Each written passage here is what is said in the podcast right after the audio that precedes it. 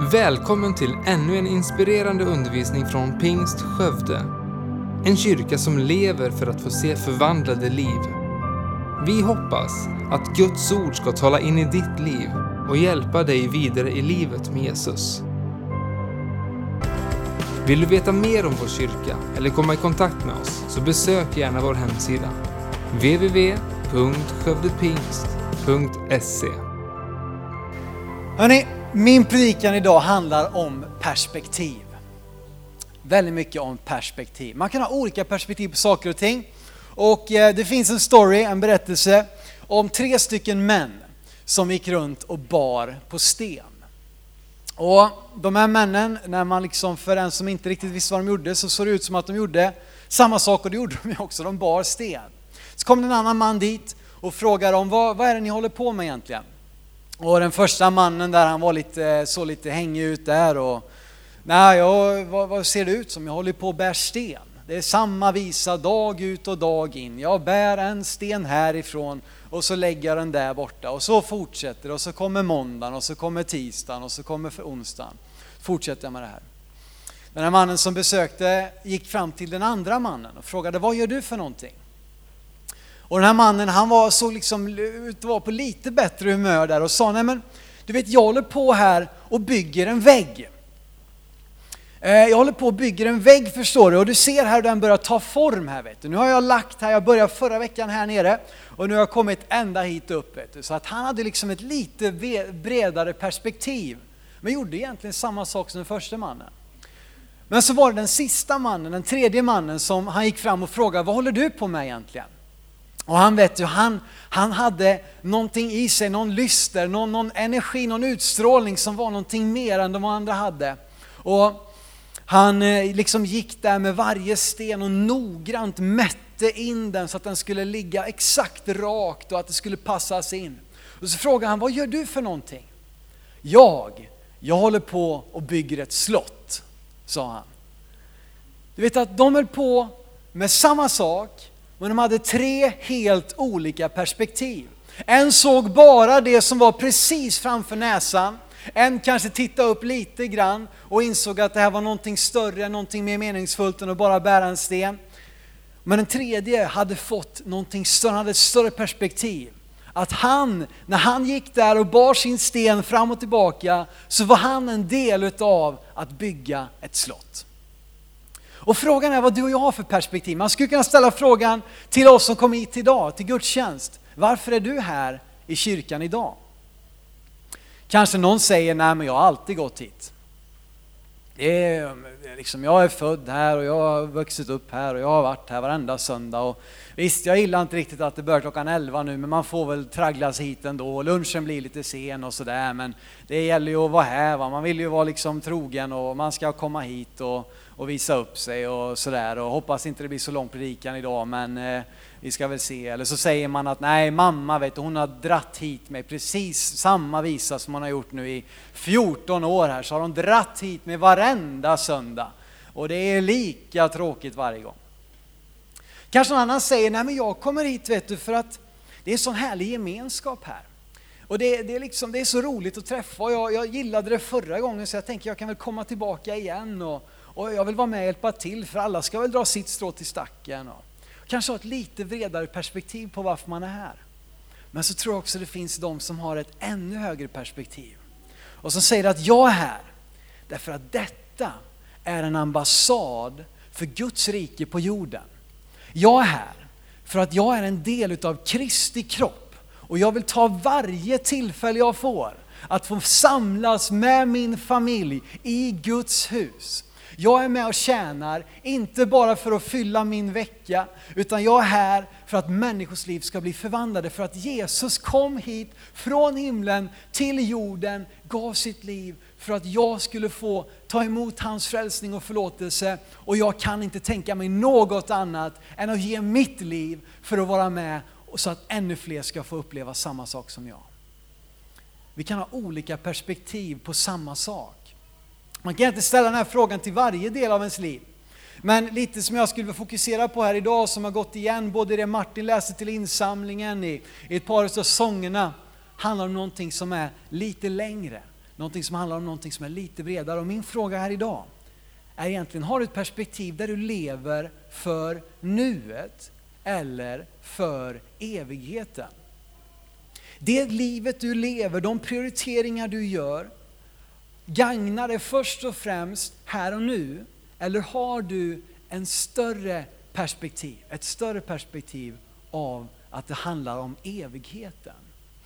Och det är det jag skulle vilja fråga dig om idag. Och därför är mitt tema för den här predikan, se upp. Se upp. Och då kan man ju tänka, är detta en varning? Eller är det en uppmaning? Eller är det båda två på samma gång? Ja, förmodligen alltihop. Men jag tror att vi behöver se upp. Vi behöver lyfta blicken. Och inte minst så här när vi är samlade här Kristi himmelsfärdhelg. Ni vet i torsdags så var det ju 40 dagar va? sedan påsk. Och det är då vi minns att Jesus inte liksom eh, uppstod för att dö igen, utan han uppstod och sen så togs han upp till himlen för att sätta sig på Faderns högra sida där han sitter än idag. Och därför tycker jag det passar extra bra en sån här helg och just tala och uppmana dig att se upp, lyft blicken. Jesus levde med evigheten i sina tankar, i sina ord, i sina handlingar. Du vet att det var inte ofta det han gjorde som var det bästa för nuet. Alltså, missförstå mig rätt här nu. Han botade massa sjuka och hjälpte människor och det hade definitivt betydelse för nuet. Men jag tror att han gjorde det hela tiden med perspektivet av att jag är här för ett högre syfte. Jag är här för en större, för ett större mening så att säga. Och en del av det som han var med om och det han upplevde kan ju tyckas oerhört kortsiktigt eller provocerande eller till och med som ett nederlag. Men sätter man det i ett evighetsperspektiv så inser vi att det var genialiskt, att det var gudomligt, att det var någonting mycket högre. Inte minst hans död på korset. Vilket nederlag! Den här mannen som har börjat samla anhängare i hela landet och som tycks vara den som alla vill följa. Och så dör han på korset. Blir upphängd där som vilken, vilken brottsling som helst. Vilket nederlag. Vilken fullständig katastrof. Men vet du vad? Det var inte så utan det vändes i triumferande seger. Ska vi läsa från första Korinthierbrevet 15, vers 19 20. Sen ska vi hoppa fram till vers 54. För det är det som är själva kärnan i vår tro. Att Jesus inte bara dog på korset utan att han faktiskt uppstod på tredje dagen. Och att han lever än idag. Första Korinthierbrevet 15, 19-20, sen 54-57. Om vi i detta livet sätter vårt hopp endast till Kristus och han inte har uppstått, då är vi de mest beklagansvärda av alla människor. Om inte Jesus uppstod så är du och jag de mest beklagansvärda av alla människor. Därför att då lever vi för en bluff. Då lever vi för någonting som inte har hänt. Men det kommer ett men. Visst är det härligt ibland att det kommer ett men i Bibeln? Vers 20. Men nu har Kristus uppstått från de döda som förstlingen av det insomnade. Vidare i andra delen av vers 54. Döden är uppslukad, segern vunnen. Du död, var är din seger? Du död, var är din udd? Dödens udd är synden och syndens makt kommer av lagen. Men Gud var det tack som ger oss segern genom vår Herre Jesus Kristus. Det var väl värt ett halleluja? Va?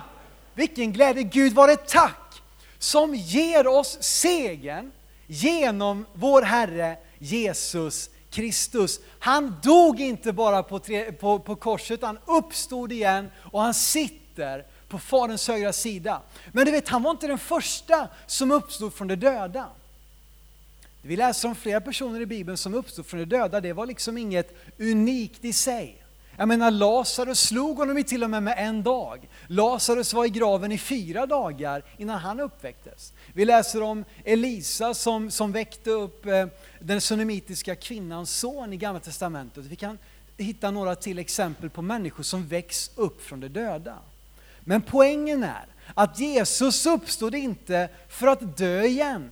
När han uppstod i sin härlighetskropp. Han uppstod i, den nya, i det nya livet helt och fullt för att inte dö på nytt utan för att tas upp till himmelen. Och det är ju det vi minns nu, Kristi himmelsfärd. Han, dog, han uppstår inte för att dö igen, utan han lever och han är levande än idag. Han var inte heller den första att bli upptagen till himlen, har ni tänkt på det? Vi läser om två till personer i Bibeln som blev upptagna, som fick vara med om sin himmelsfärd. Vi kan läsa om Hanoks himmelsfärd. Vi kan läsa om Elias himmelsfärd. Men Jesus var den första och den enda som både har dött, uppstått från de döda, för att sedan tas upp till himmelen där han nu sitter och regerar. Och därför är Kristi himmelsfärd oerhört viktigt. Det är inte bara en helg som kommer några veckor efter påsk. Hade han inte tagits upp utan dött på nytt 30, 40, 50 år senare, då hade han inte heller besegrat döden, men han gjorde det. Och vi får del av segern i vår Herre Jesus Kristus. Och därför är min uppmaning, se upp, lyft din blick. Se inte bara till det som är mitt framför näsan, utan lev med himlen som ditt perspektiv. Lev med evigheten i sikte. Vi ska se flera underbara bibeltexter som handlar om himlen. Det första ska vi läsa om i Hebreerbrevet kapitel 11, vers 13 till 16. Och nu ska du få se vad underbar himlen är. Jag känner att du vet, vi tappar bort himlen lite grann. Jag har bara hört vissa äldre som säger att förr vet du, då pratar man mycket mer om himlen. Och jag var ju inte med förr, va? så att det, jag minns liksom inte riktigt där. Men jag tror att vi behöver påminna oss om himlen. Vi behöver tacka Gud för himlen. Och vi behöver leva våra liv med himlen för våra ögon. Med evigheten för våra ögon. Hebreerbrevet 11, vers 13-16. Här talas det om en massa trons hjältar som har gått före oss. Och så står det så här. I tron dog alla dessa utan att ha fått det som var utlovat. Men de såg det i fjärran och hälsade det och bekände sig vara gäster och främlingar på jorden. De som talar så visar därmed att de söker ett hemland. Och när de hade menat det land som de gått ut ifrån hade de tillfälle att vända tillbaka dit. Men nu längtade de till ett bättre land, det himmelska. Därför blygs inte Gud för att kallas deras Gud, ty han har ställt i ordning en stad åt dem. De längtade efter ett annat hemland. Och det hemlandet är inte bara en utopi, utan vi läser att Gud har ställt i ordning en stad åt oss. Han har förberett ett hemland för oss. Vi som tillhör Jesus Kristus, vi lever här i världen precis som Sven predikade om för ett par söndagar sedan. Kanonbra predikan, ni kan ut och lyssna på den igen. Men vi gör det här vetandes att vi har ett annat hemland. Vi tillhör ett annat rike och där har vi det vi verkligen längtar efter. Vi har ett hemland som väntar på oss, ett hemland i himlen. Och jag tycker det är underbart. Inte minst kanske människor som lever i, i krig och har ett hemland här på jorden som är drabbat av krig och misär och hemskheter. Och vi kan säkert hitta mycket här i Sverige också som eh, är mer eller mindre hemskt. Men då vet vi att vi har ett hemland som väntar på oss, ett bättre hemland. Inte det vi har lämnat, utan någonting som ligger framför oss. Men vet du vad? Inte nog med att vara ett hemland i himlen, utan det finns mer. Ska vi läsa ifrån Filipperbrevet kapitel 3 och vers 20 till 21. Ska vi se någonting mer här om detta hemland och om himlen. Så så här, Filipperbrevet 3, 20 till 21. Men vi har vårt medborgarskap i himlen. Och därifrån väntar vi Herren Jesus Kristus som frälsare. Han ska förvandla vår bräckliga kropp så att den blir lik den kropp han har i sin härlighet. Han har makt att lägga allt under sig. Vi har vårt medborgarskap i himlen. Detta hemland som vi vet att vi tillhör är inte bara en plats dit några få får komma in, utan vi har också ett medborgarskap i himlen. Vi har rätt att komma in. Vet du vad, jag var precis eh, för en månad sedan nere i Israel och vi var inne på Västbanken och vi var inne i Jordanien. Och i alla de här ställena så måste man ju ha ett pass att visa upp. Och är du medborgare i det landet så har du ju en gräddfil. Då har du ju liksom det förspänt, du har alla rättigheter av liksom pensionssystem och sjukvård och skola och allting finns där för att du har rättigheten i ditt medborgarskap. Och vårt hemland som vi ska till, det är inte liksom ett land där vi ska åka och söka asyl. Och jag förstår att det är många som, som, som upplever detta väldigt konkret, kanske har kommit hit till Sverige från ett annat land och söker asyl. Det är det hemlandet som man har längtat efter, men det är inte en självklarhet att man får komma in. Det är inte en självklarhet att man får bli medborgare. Och det kan vara en fruktansvärd situation som jag vet att många i vår församling lever i och upplever. Men det hemlandet som vi är på väg till i himlen, där har vi vårt medborgarskap och det är underbart. Vi har vårt medborgarskap i hemlandet, det är klart. Stämpeln är fixad, passet är klart, visumet är godkänt. Det är bara att kliva in. Men inte nog med det. Ska vi läsa andra Korinthierbrevet kapitel 5 och se någonting ytterligare om himlen som jag tycker är härligt. Första Korinthierbrevet kapitel 5, vers 1 till 2. Eh, andra Korinthierbrevet menar jag. Det står nog andra där va? Ja, andra Korinthierbrevet, precis. Andra Korinthierbrevet 5, 1 till 2. Och där står det så här. Vi vet att om vårt jordiska tält rivs ner så har vi en byggnad från Gud en boning som inte är gjord med händer, en evig boning i himlen. Så länge vi bor i detta tält suckar vi därför och längtar att få ikläda oss vår himmelska boning.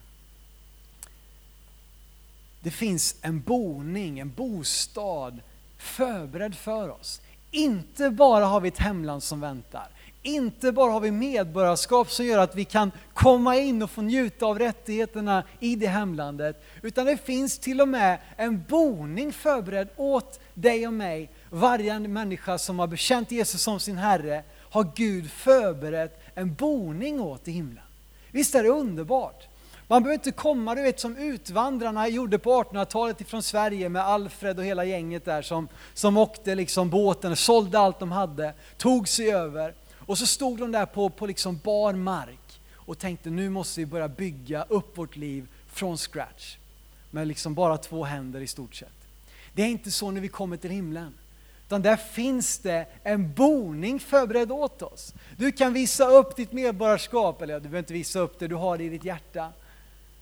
Och så kan du få kliva in och så kommer de att visa dig fram, här är din boning.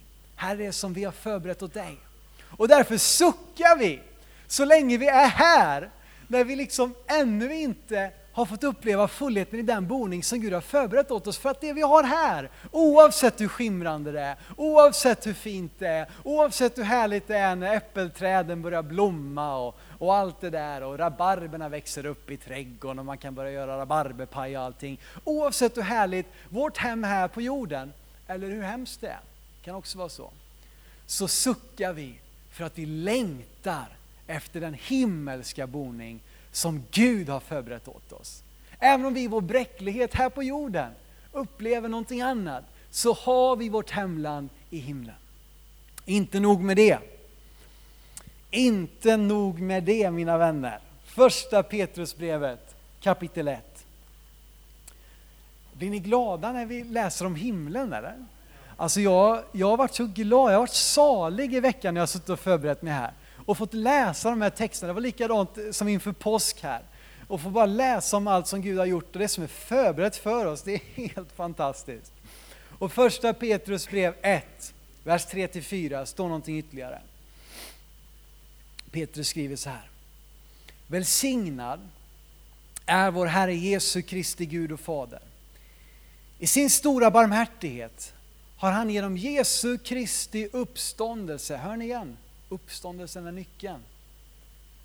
Genom Jesu Kristi uppståndelse från de döda fött oss på nytt till ett levande hopp. Och se här, till ett arv som aldrig kan förstöras, fläckas eller vissna, som är förvarat åt er i himlen. Vi har ett arv i himlen. Du vet att man kan ju tycka att de här löftena då, om vi har ett hemland, vi har ett medborgarskap, vi har en boning, det kan kännas lite luftigt. va? Men här så har vi det svart på vitt att vi har ett arv i himlen. Vi har ett arv som inte kan förstöras. Och det kan inte heller fläckas.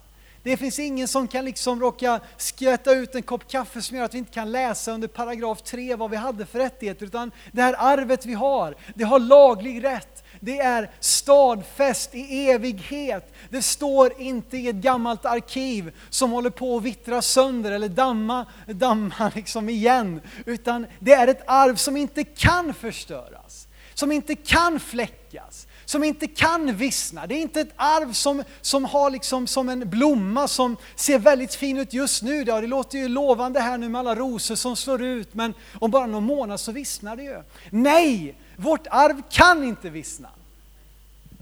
Vårt arv kan inte fläckas.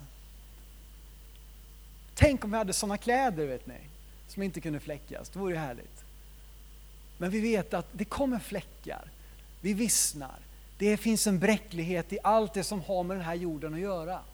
Både i våra egna kroppar, i våra relationer, i naturen, i ozonlagret. Vi kan, vi kan nämna hur mycket saker som helst. Som hur fint det än är just nu så är det på väg att vittra, vissna eller fläckas. Men vårt arv i himlen, det kan inte förstöras, fläckas eller vissna. Så låt oss därför se upp. Låt oss leva våra liv här på jorden med evigheten för våra ögon. Och få veta vilket underbart arv som Gud har förberett åt oss. Men vet du vad? Min sista punkt på den här predikan, det är så här, titta ner. Titta ner, glöm inte att titta ner. Och då kan du tycka, men Simon nu har du byggt upp någonting i nästan en halvtimme här och så bara tar du ner det igen på jorden. Det var väl oerhört klantigt, både retoriskt och pedagogiskt och alla, eller så var det precis tvärtom. Jag hoppas det var det. Ska vi läsa från Apostlagärningarna 1, vers 9-11 ska vi läsa just ett ställe som återger Kristi himmelsfärd. I Apostlagärningarna, apostlarna här, de, de har fått eh, ja, möta Jesus under 40 dagar. eh, men nu så ska han då lämna dem. Och så läser vi här i, i Apostlagärningarna 1, 9-11. Då han, alltså Jesus, hade sagt detta såg de hur han lyftes upp och ett moln tog honom ur deras åsyn. Vilken fantastisk syn. Vers 10. Medan de såg mot himlen dit han for upp, se då stod två män i vita kläder hos dem och de sa ni män från Galileen, varför står ni och ser mot himlen? Den Jesus som har blivit upptagen från er till himlen, han ska komma igen på samma sätt som ni har sett honom fara upp till himlen. Vers 12. Då vände de tillbaka till Jerusalem från det berg som kallas Oljeberget och som ligger nära staden, en sabbatsväg därifrån. Varför står ni här och ser upp? ni män från Galileen. Det kan vara lätt när man tänker på allt detta underbara att man fastnar med näsan i vädret. Och man, liksom, man, man bara ignorerar allt som är runt omkring och så lever man där i någon slags eufori, i någon slags bubbla. Och så går man med det här perspektivet genom livet vet och då dröjer det inte länge innan man slår in någonting eller man missar, tappar bort någonting. Vi behöver ett dubbelt perspektiv. Därför att om vi lever på detta sättet så kommer vi också missa det uppdraget som Jesus har gett oss. Konstnären till exempel, se det framför dig, han står och till exempel ska måla av här nu då, eh, David till exempel, eh, och så har han sin tavla här, tavelduken. Och konstnären måste växla mellan duken, där han målar liksom streck för streck, men också titta upp. Hur ser egentligen motivet ut som jag ska måla? Och när han då växlar mellan de här två perspektiven så kommer tavlan att bli bra. Om man bara står och tittar på David och står och ritar så här, va, det kommer bli någonting som inte kommer vara så likt. Likadant om man står här och bara liksom tittar här nere och sen så när han tittar upp så man hade ju inte två näsor och så vidare. Utan man behöver det här dubbla perspektivet. Fotbollsspelaren som bara springer och tittar på bollen så här och dribblar, det kan vara rena rama Zlatan vet du, med tekniken. Men om man bara tittar ner på bollen, då kommer man att bli tacklad vet du, när de möter Burna Bulldogs här. Det var länge sedan jag hade med Borgunda här i predikan, så vi fick komma här. Du måste titta upp och då ser du Martin springer på djupet, jag slår en långboll. Du, vet, du kan inte leva med bara det ena perspektivet. Och inte heller kan du springa så här med bollen mellan benen. Nej, du måste växla. Du måste växla. Piloten som flyger flygplanet, som tittar ner på sina instrument med millimeter precision och ställer in minsta lilla detalj, måste också titta ut genom fönstret och se den milsvida utsikten. Det spelar ingen roll hur rätt det ser ut där, men är ett berg framför dig, då måste du väja. Oavsett hur det ser ut här nere. Man måste ha det här dubbla perspektivet. Och det tror jag också att vi behöver ha som kristna. Vi behöver se upp. Men när vi gör det så måste vi också titta ner. Och det är min uppmaning till dig här idag. Se upp men glöm inte bort att titta ner. Lev våra kristna liv och endast ser upp så missar vi helt det uppdrag som Jesus har gett oss. Att nå en värld som håller på att gå förlorad. Men likadant om vi bara lever och bara tittar ner, då missar vi detta fantastiska perspektiv som ju är själva budskapet, som är själva hoppet som gör att vi också vill nå vår nästa. Att vi också vill betjäna dem vi har runt omkring oss. Så min uppmaning till dig här idag är att investera i det som har evighetsvärde. Och jag tror att du själv kan fundera på vad det är, men kanske du kunde ta med den här predikan hem och så bara sätta dig ner och fundera. Lever jag mitt liv med ett perspektiv som mest handlar om nuet? Eller är det jag gör här och nu kopplat till ett evighetsperspektiv? Har det jag har, gör här och nu, har det ett evighetsvärde? Och jag vill inte gå in på och nämna vilka områden och så, för att det, det, blir så lätt att vi målar upp vissa saker som är så väldigt världsliga och andra som inte är det. Jag vill inte göra det. Jag tror att du själv har den förmågan. Sätt dig ner och fundera, mina val, min tid, mina pengar, mina prioriteringar, har det ett evighetsvärde eller har det mest att göra med nuet?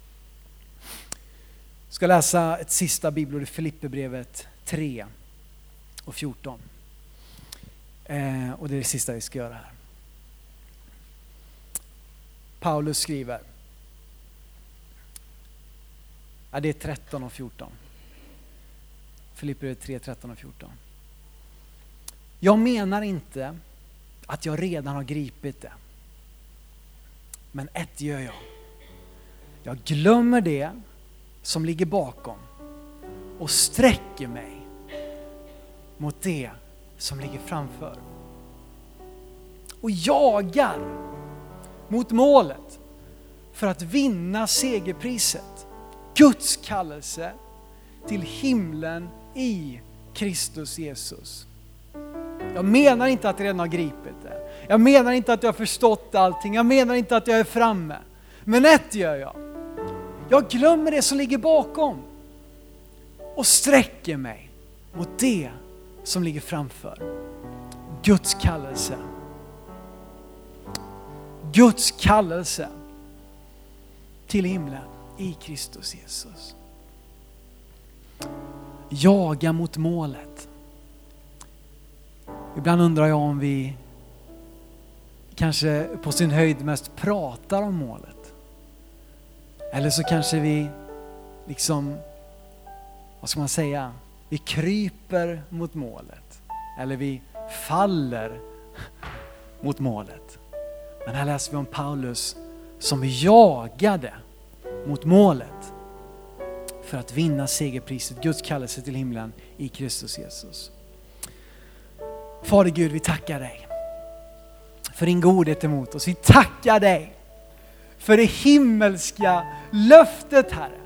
Vi tackar dig för att vi väntar någonting som är så mycket bättre än allt som den här världen kan betala för. Du har någonting så mycket bättre än allt det som pengar kan köpa, än allt det som människor kan ge, än allt det som ära och berömmelse kan ge. Vi tackar dig för det himmelska löftet Herre. Och att det inte bara är ett löfte i luft, i tomma ord, utan att det är ett arv som inte kan förstöras. Halleluja Hjälp oss Gud att se upp i våra liv. Men när vi gör det också komma ihåg att titta ner. Herre, hjälp oss i detta. Att vi inte bara fastnar i det vi har mitt framför oss. Så vi blir som den här mannen som bara bar på stenar och inte förstod vad han höll på med. Att vi får se att när jag bär den här stenen från en plats till en så är jag en del av att bygga någonting mycket större. Guds rike här på jorden. Tack för att du lyssnat. Titta gärna in på vår hemsida www.skövdepingst.se för att få veta mer om oss. Och glöm inte att du alltid är välkommen till vår kyrka